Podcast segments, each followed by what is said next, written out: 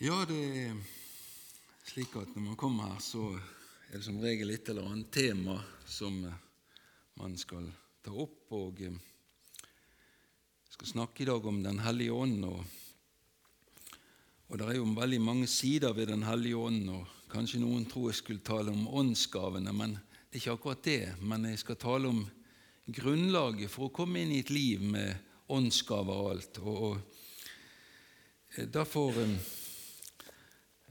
Selve fundamentet det er jo det at eh, når vi blir et Guds barn og tar imot Jesus, så får vi Den hellige ånd.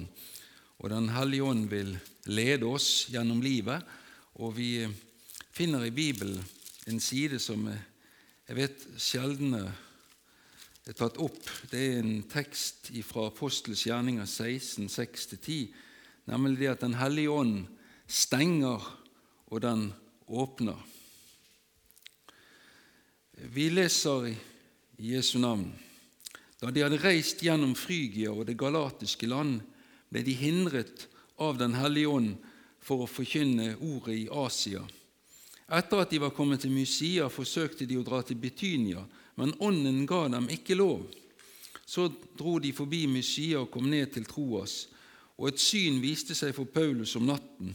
En mann fra Makedonia sto opp og ba ham innstendig:" Kom over oss til Makedonia og hjelp oss. Etter at han hadde sett synet, prøvde vi straks å dra til Makedonia, da vi forsto at Herren hadde kalt oss til å forkynne evangeliet for dem.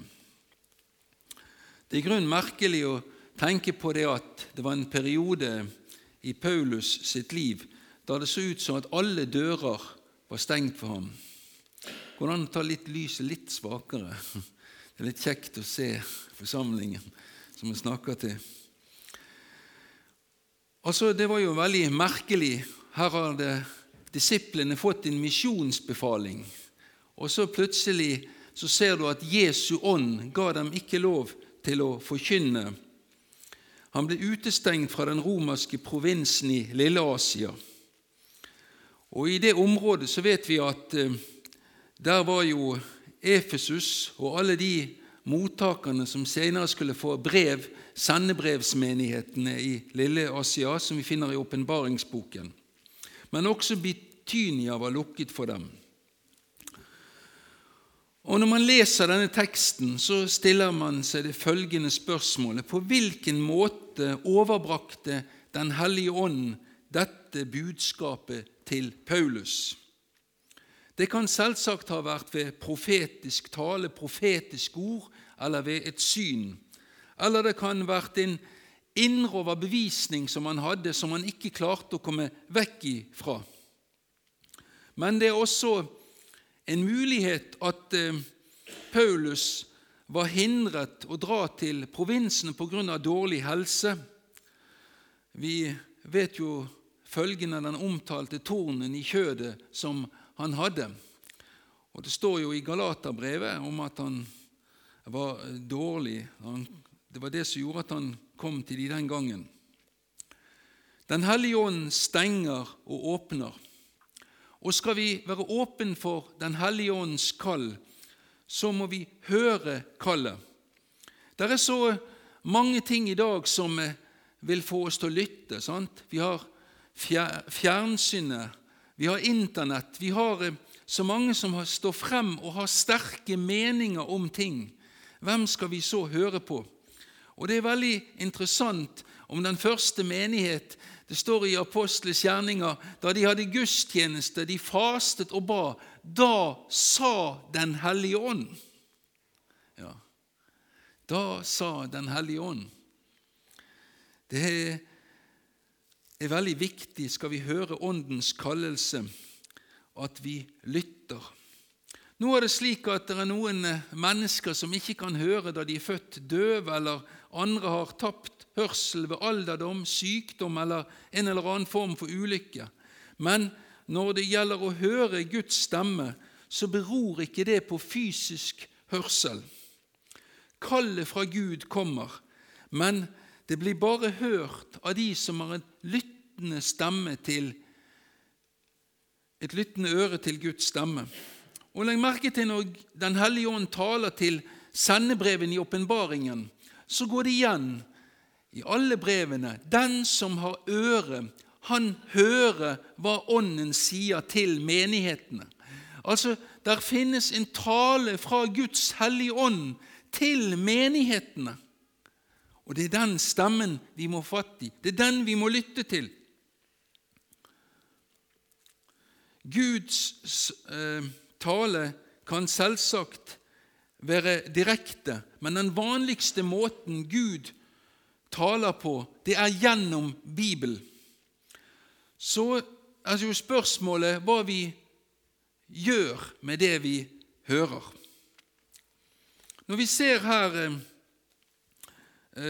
det som ligger forut for eh, dette kallet til Paulus, så ser vi at han levde et liv etter Guds vilje.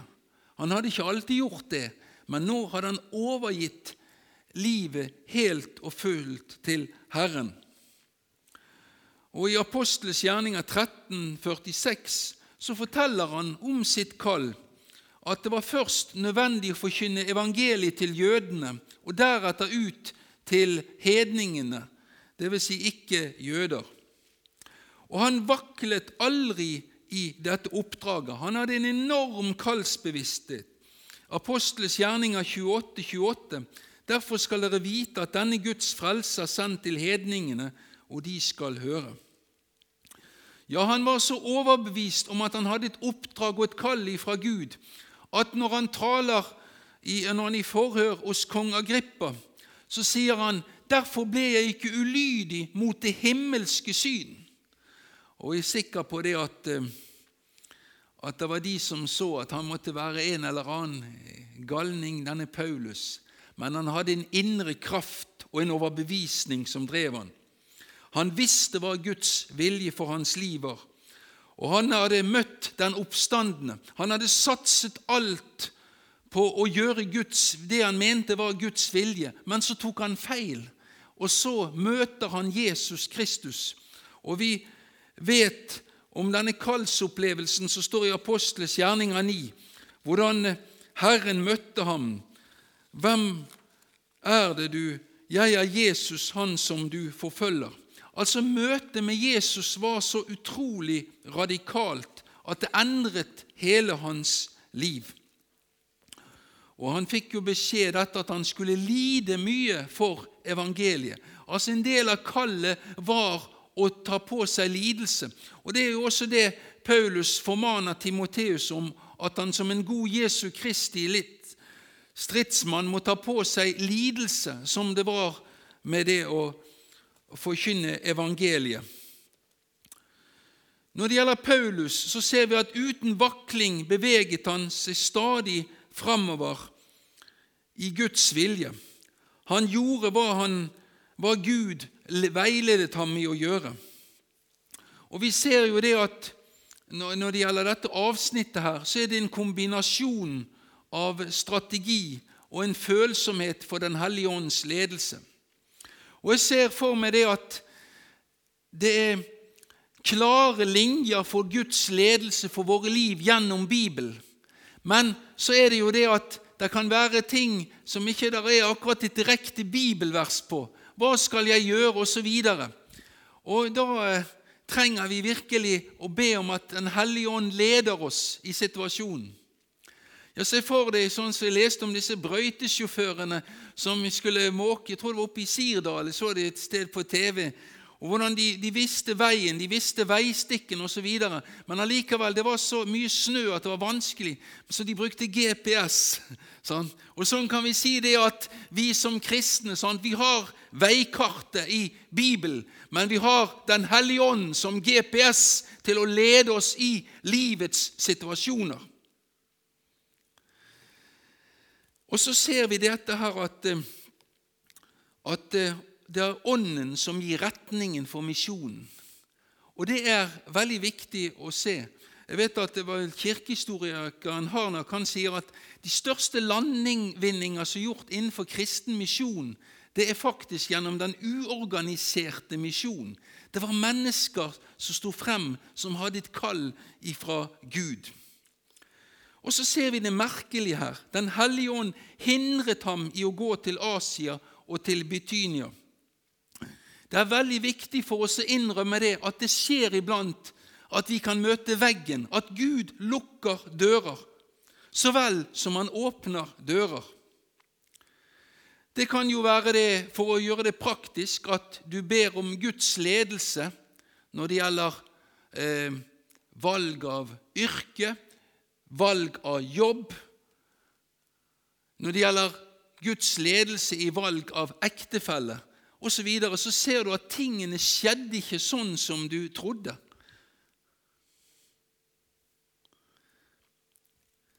Jeg kan jo nevne misjonen i Kina. Tenk på alle de gudfryktige som reiste ut der, og da grunnlaget for det som senere er blitt en vekkelse. Men så kom det en periode. Det var også misjonærer som var kalt ut der, og de møtte veggen. De ble rett og slett sendt hjem. De hadde satset livet på at de skulle være til Kina. Men så ser vi Jeg leste her forleden dag at uh, de regner med at det er 100 millioner kristne i Kina. Det vokser frem. Og Så så jeg her på en av disse kanalene på TV han Stanley Sjøberg. Han hadde vært i Kina, og så skulle han på et møte, og det var et rent forretningsmessig møte. og Før han kom, han kom litt før, så satt de der folkene der og leste i Bibelen. Er det rart at Kina begynner å få fremgang i verden i dag, økonomisk og alt? Det er det at de får inn retningslinjer for livet gjennom Jesus-troen.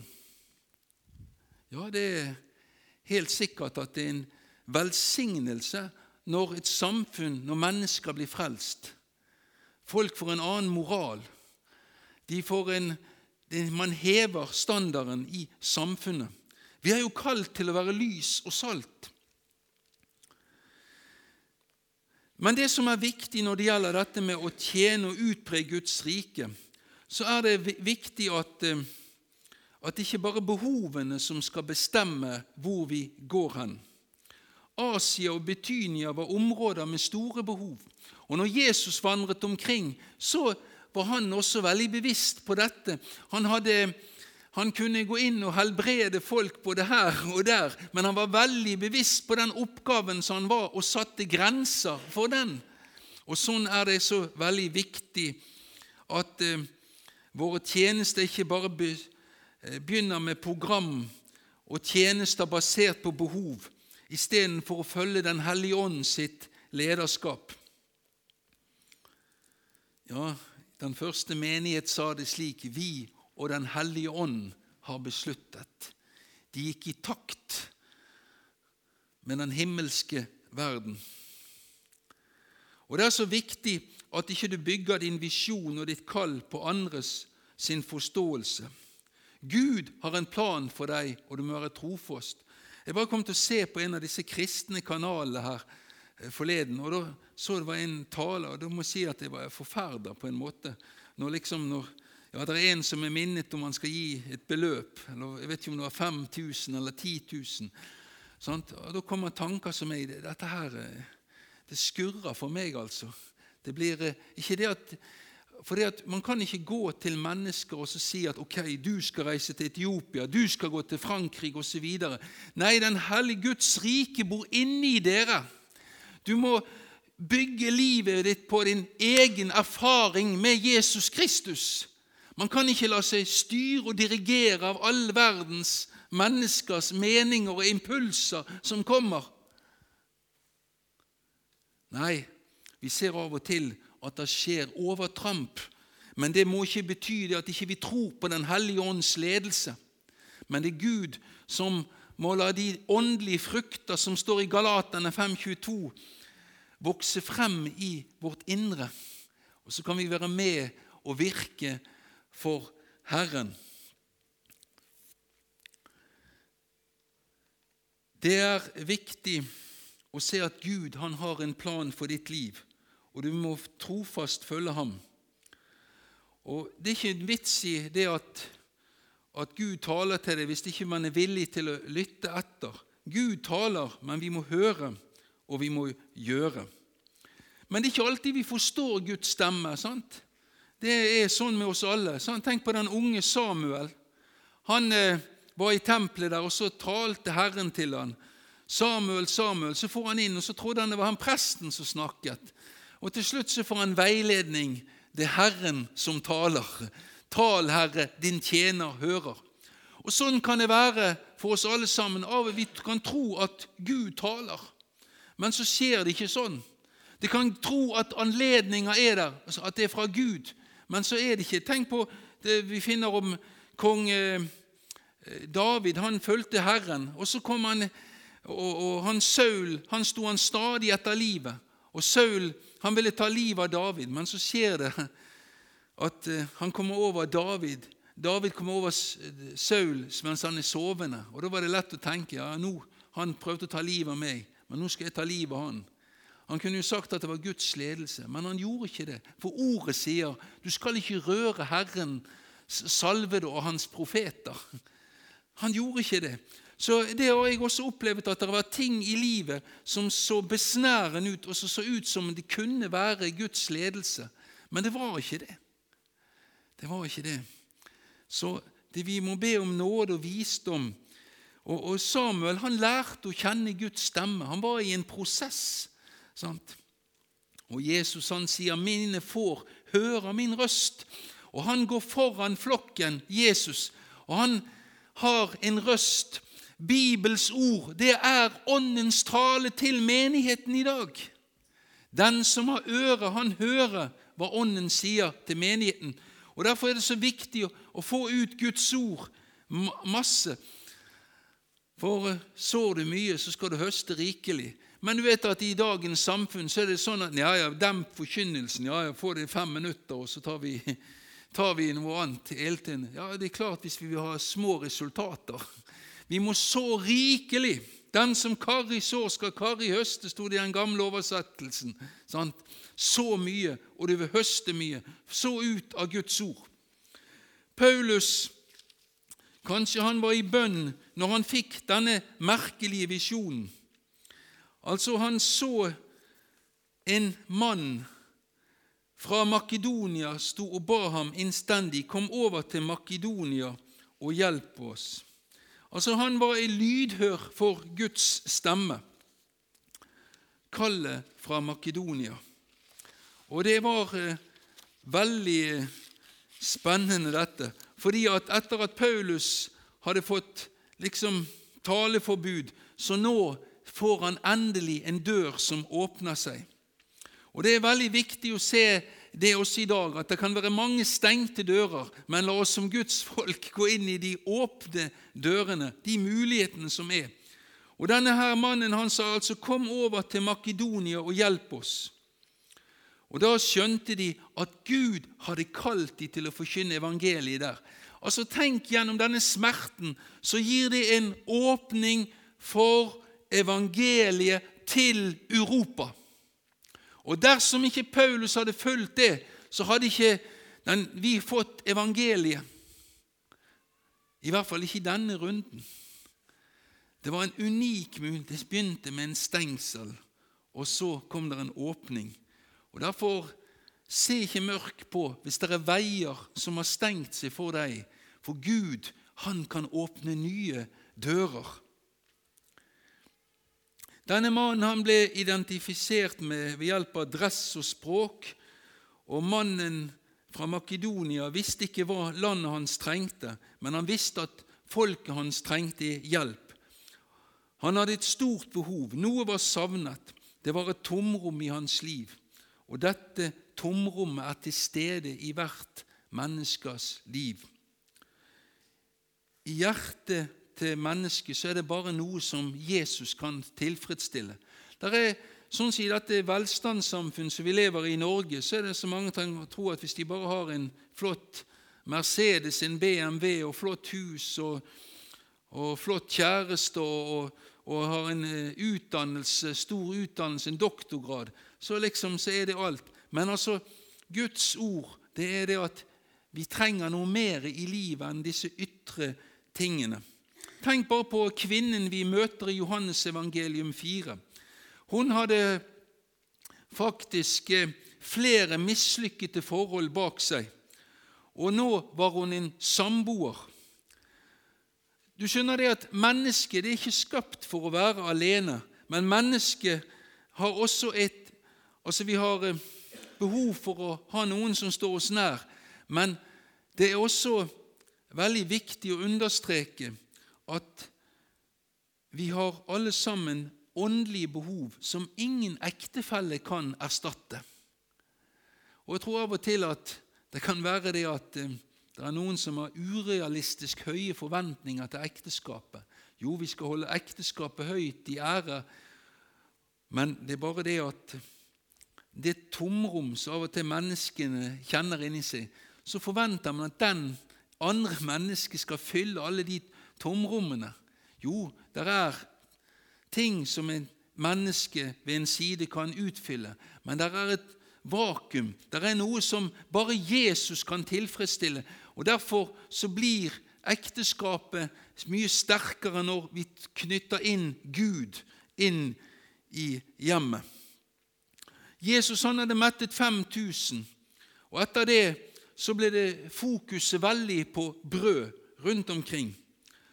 Og Jesus forteller at de har mer behov enn brød. De trenger noe å leve for.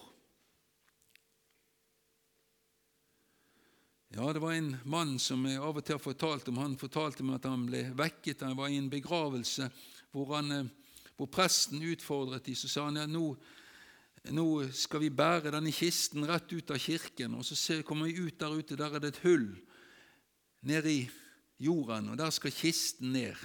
Så ba han forsamlingen tenke gjennom livet sitt. Er det alt dere lever og satser på for å havne ned i det hullet der i jorden? Tanking vekkende. sant? Vi er skapt for å leve et meningsfylt liv. Vi er skapt for å ha håp.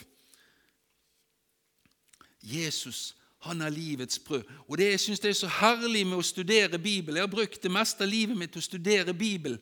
Og elsker Bibelen, for jeg kjenner at å, det gir næring, det gir kraft, det gir inspirasjon, det gir glede. Du verden for en kraft der er i bibelordet. Og Jesus han hadde et ord til alle de som strever med indre ufred og manglende ro. Kom til meg, alle dere som strever og bærer tunge byrder. Jeg vil gi dere hvile. Det er en innbydelse til alle de som føler at de er mislykket. Jesus har et ord til dem. Ropet fra makedonier var et rop etter Kristus i Europa. Og kjære venner, skulle vi se det at mye av det menneskene roper etter i dag, det er utslag etter en lengsel, etter å oppleve en indre frihet. Men i dag så er det ikke bare ropet fra mannen i Makedonia som lyder, men i dag så roper vel menneskeheten og nasjoner fra hvert et kontinent. Ja, vi hører om hungersnød, vi hører om flom, vi hører om jordskjelv, vi hører om den ene katastrofen etter den andre. Vi finner, ser at behovene er store. En kjempemessig befolkningseksplosjon finner sted i dag. Ifølge Wikipedia så ser vi at i september 2010 ble verdens befolkning beregnet til å være 6,87 milliarder. Og den er forventet til å stige til 9 milliarder i år 2050. Flere og flere flytter inn til byer, gårder legges ned. Det er et globalt fenomen. Nedleggelse av gårdsbruk mens verdens befolkning stiger. Eksempel i USA regner man med at ved neste århundreskifte vil 85% bo i byer. Ser du utviklingen? Den er gal.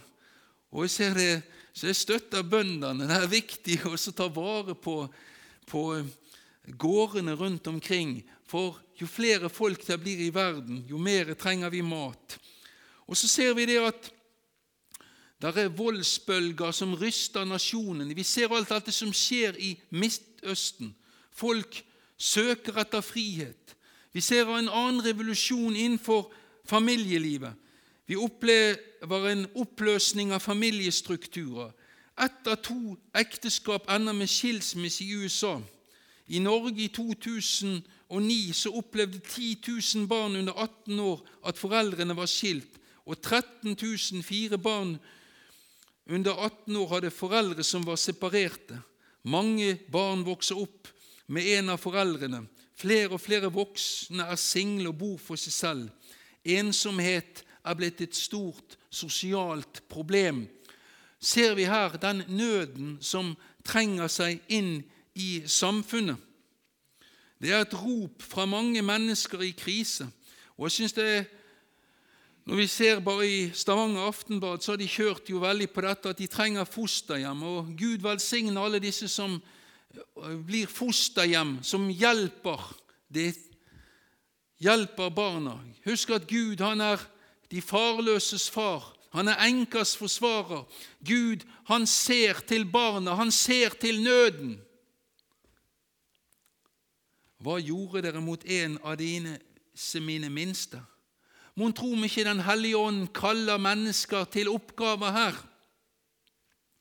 I verden så er det stor usikkerhet når det gjelder økonomien.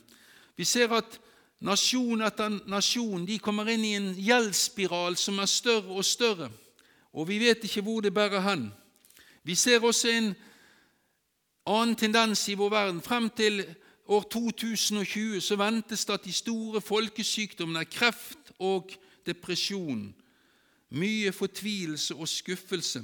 Vi møter også en enorm overgrepsproblematikk. Alt dette her, det er rop om hjelp. Ropet fra Makedonia 'Kom over og hjelp oss'. Vi finner også at eh, i Europa så er det døende kirker som er blitt normen. Ritualer og programmer har blitt et mål i seg selv. Og vet du hva? Den største misjonsmarken i Norge den er innenfor både alle de som er passive innen både stats- og frikirker. Det finnes så mange som er klidd inn i en passivitet. Hører du kallet fra den fortapte verden? Legg merke til Jesu programtale når han snakker om hva hans oppgave var. Det var å forkynne et nådens år ifra Herren. Han sa, 'Herrens ånd er over meg, og han har salvet meg for å forkynne et gledesbudskap.'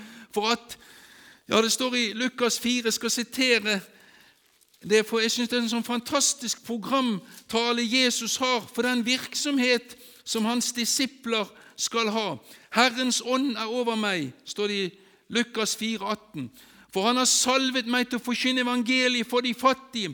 Han har sendt meg for å helbrede dem som har et søndagknust hjerte, og for å rope frihet ut for fanger, for at blinde skal få syn igjen, for å sette undertrykt i frihet. Ja, for å rope ut et nådens år fra Herren. Her er Åndens kall. Her er Åndens ledelse for den menighet som vil følge Herren. Dette ba Jesus om i sin ypperste prestelige bønn at disiplene skulle fortsette med. Hører vi det kallet? Hører jeg det kallet? Og jeg måtte stille med det spørsmålet før jeg skulle tale i dag. Kjære Jesus, du må hjelpe meg så jeg går rett på veien som du vil. Paulus han var klar til å dra til Makedonia.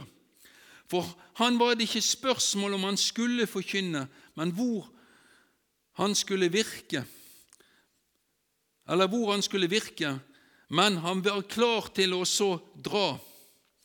Det var ikke et spørsmål om han skulle forkynne, men hvor skulle han dra? Og Når vi hører kallet, så må vi akte på det. Og Kallet var å forkynne de gode nyhetene. Det er ikke et sørgebudskap vi har. Det, den kristne menighet det er ikke et begravelsesbyrå vi driver. Nei, vi kan få glade nyheter at mennesker skal få frihet. De skal få tilgivelse for sine synder. Den motløse skal få mot. Den svake skal få ny kraft. Vi har løfter fra Bibelen. Det er dette budskapet som Guds ånd kom over Jesus og forkynte. Denne programtalen for hele hans virksomhet. Ja, hva er evangeliet? Det er så veldig mange folk som ikke, i Norges land de har ikke peiling på evangeliet. Kommer de liksom Ja, kristne, ja, det var liksom at du ikke skulle bruke saks på søndagen. Hadde hørt noe sånn sludder. Har ikke noe med evangeliet å gjøre det. Det har noe med loviskhet å gjøre det. Evangeliet det har å ta imot budskapet om Jesus. Alle de som tok imot ham, ga han rett til å bli Guds barn. Og Evangeliet det kommer av det greske ordet evangelion. Og det har rett og slett med å formidle gode nyheter. Det har med å evangelisere ut i verden. Og evangeliet er åpenbart for oss i Bibelen. Det er en, ikke bare ord, dette, men det er laddet med Guds kraft. Romane 1,16. For jeg skammer meg ikke over evangeliet. Det er en Guds kraft til frelse. Ja, hva er så evangeliet? Jo, det er jo budskap om at Jesus kom til vår jord. At han levde sammen med oss. At han døde på et kors for våre synder. At han oppsto på den tredje dag. Og at han en dag skal komme igjen for å dømme levende og døde. Og før han kommer igjen, så er menighetens oppgave å forkynne de gode nyhetene.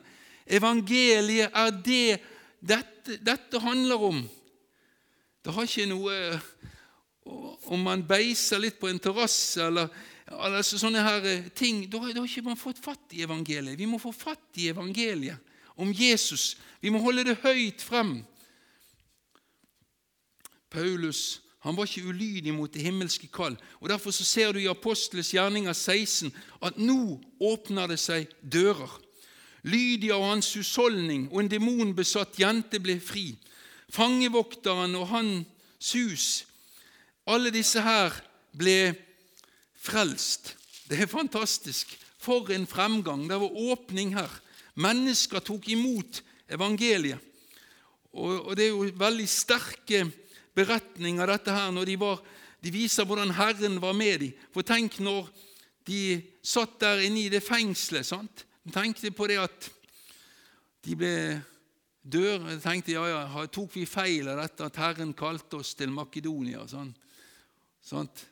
Inn der og sitte i fengsel. sant? Kjære tid. De kunne jo havne i klagesangene, bare mindre. sånn. Rop på fangevokteren. 'Har ikke du en valium her?' Nei, du, kjære tid, de begynte å synge lovsanger til Gud. Og i denne lovsangen, i denne smerten, så kommer Guds kraft og ryster stedet. De blir fri fra lenkene. Og så spaserer de ut, og fangevokteren som sto der som en garantist med sitt eget liv, han eh, rett og slett vil ta, livet sitt, for han vet at han har ikke klart jobben å passe på dem. Og da roper han 'Hva skal jeg gjøre for å bli frelst?' Og så forkynner de de gode nyhetene om tilgivelse, om gjenopprettelse, om forløsningen i Jesus Kristus. Du ser det at de var virkelig i Guds ledelse. Det hadde vært mange tøffe ting, men det var det at Herren gikk foran dem. Akkurat som profeten Isaiah sier, 'Dører av kobber, bommer av jern vil jeg sønderbryte'. Herren vår Gud, han skal lede oss gjennom ild og vann.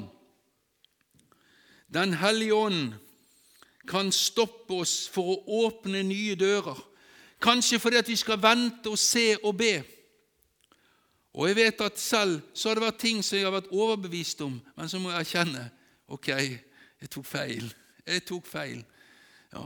Og, og, det er ingen skam, det, for det at vi er alle mennesker som ser stykkevis og delt.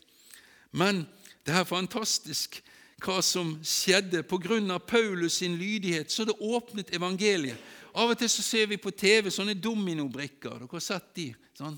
Dominoeffekten. Starter de, så, går det ned rundt alle steder. sånn. Det er en voldsom effekt. Eller når du hiver en stein i vannet. Ringvirkninger. Tenk, Paulus det han var lydig. Det steget fører til at ennå i dag så åpnes det dører fortsatt etter det han gjorde. Det fortsetter. Vi er med i en stafett. Gud han har gitt oss Den hellige ånds ild, glød og kraft for at vi skal formidle budskapet om ham. Jeg vet på hvem jeg tror, sa Paulus. Og så forkynte han budskapet. Dette budskapet som har rystet Europa. Og så blir det til at mange gjerne i dag ser litt motløst på det, men du skjønner det at det skal vi ikke gjøre. Fordi at Det har alltid vært Tenk på når Moses døde. Så tenkte de ja, ja, hvordan skal det nå bli? De kom jo, Vi hadde en sånn leder, han ledet oss gjennom havet. Nei, det nytter ikke. Men du vet, Herren han reiste opp en Josva. Sant? kom det nye tider. Så reiser han opp profeter. Tenk bare på en mektig profet som Elia. Svære under og mirakler. Tenk på Jesaja som profeterer om den lidende tjeneren. Og så kommer Jesus, så kommer disiplene og apostler. Og tenk bare på hva Jesaja sa noen ord til oss. Isaias 43, 18. Tenk ikke på det som hendte før. Akt ikke på det som en gang var. Nå skaper jeg noe nytt. Det spirer allerede fram. Merker dere ikke det? Ja, jeg legger vei i ødemarken og stier i ørken. Ja, der er to retninger som jeg finner i Det nye testamentet. Det står nemlig om at i den siste tid så står det mon tro om vi skal finne troen igjen på jorden når han kommer igjen. Den tro som venter på at Herren skal gripe inn. Og så har du dette at det står i Apostels gjerninger 2 sitert Joels åndsutgytelsen. Det skal skje i de siste dager. Jeg vil utgyde min ånd over alt kjød. Fantastisk løfte. Men det er bare det at ofte så ser vi det som profeten sier. Tenk ikke på det som hendte før. Negative erfaringer det kan binde mennesker slik at man ikke kommer videre. Og det er så mange som sitter fast i fortiden. Tenk ikke på det som hendte før. Se, jeg gjør noe nytt. Den som har øre, han hører hva Ånden sier til menigheten. Hva sier Ånden til deg?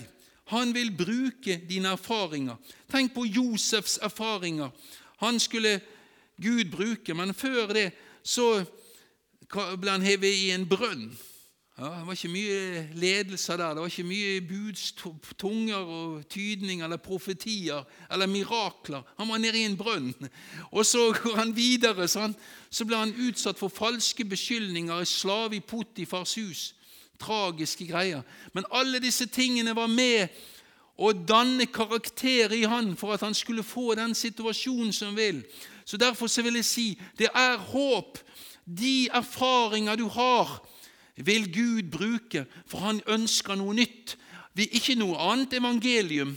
For det sier Paulus at hvis det kommer noen med et annet evangelium, selv om det er en engel, så skal han være forbannet. Men det er det samme evangelium, samme budskap.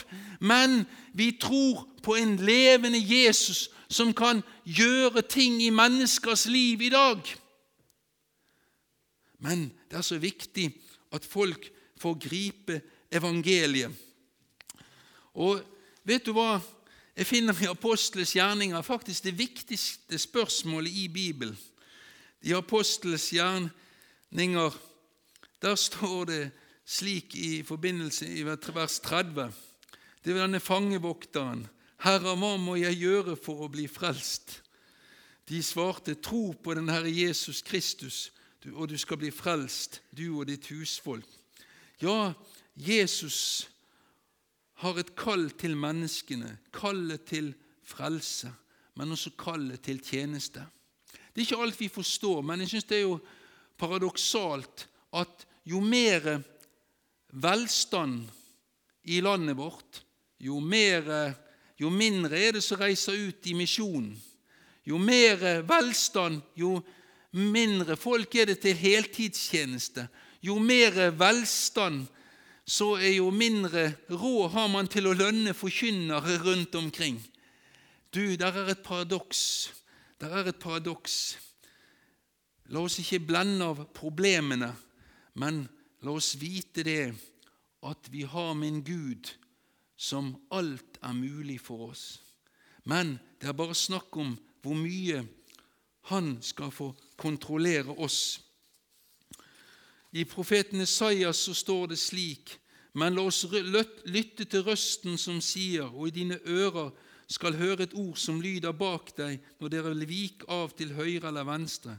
Dette er veien, på den skal dere gå. Der er en vei, og Jesus han sier jo det rett ut. Jeg er døren. Jesus han er veien, sannheten og livet. Og jeg sier det at det er ingen bedre visjon en menighet kan ha for sitt arbeid, enn at Jesus er veien. Han er sannheten, og han er livet. Ja, han er veien. Han viser oss veien til himmel. Han har fortalt oss de evige sannheter. Det er noe som er rett og galt i livet. At du er en menneske som er en evighetsvandrer. Og så er han livet. Han er den som kan gjøre livet meningsfylt. Og Apostel Paulus han sier at for meg er livet Kristus og døden en vinning. For meg er livet Kristus. Noen sier for meg er kunsten, for meg er sporten livet. Men apostel Paulus sier for meg er livet Kristus og døden en vinning. Ja, her er mer å ta imot. Jeg tror hun stopper der, jeg. Amen.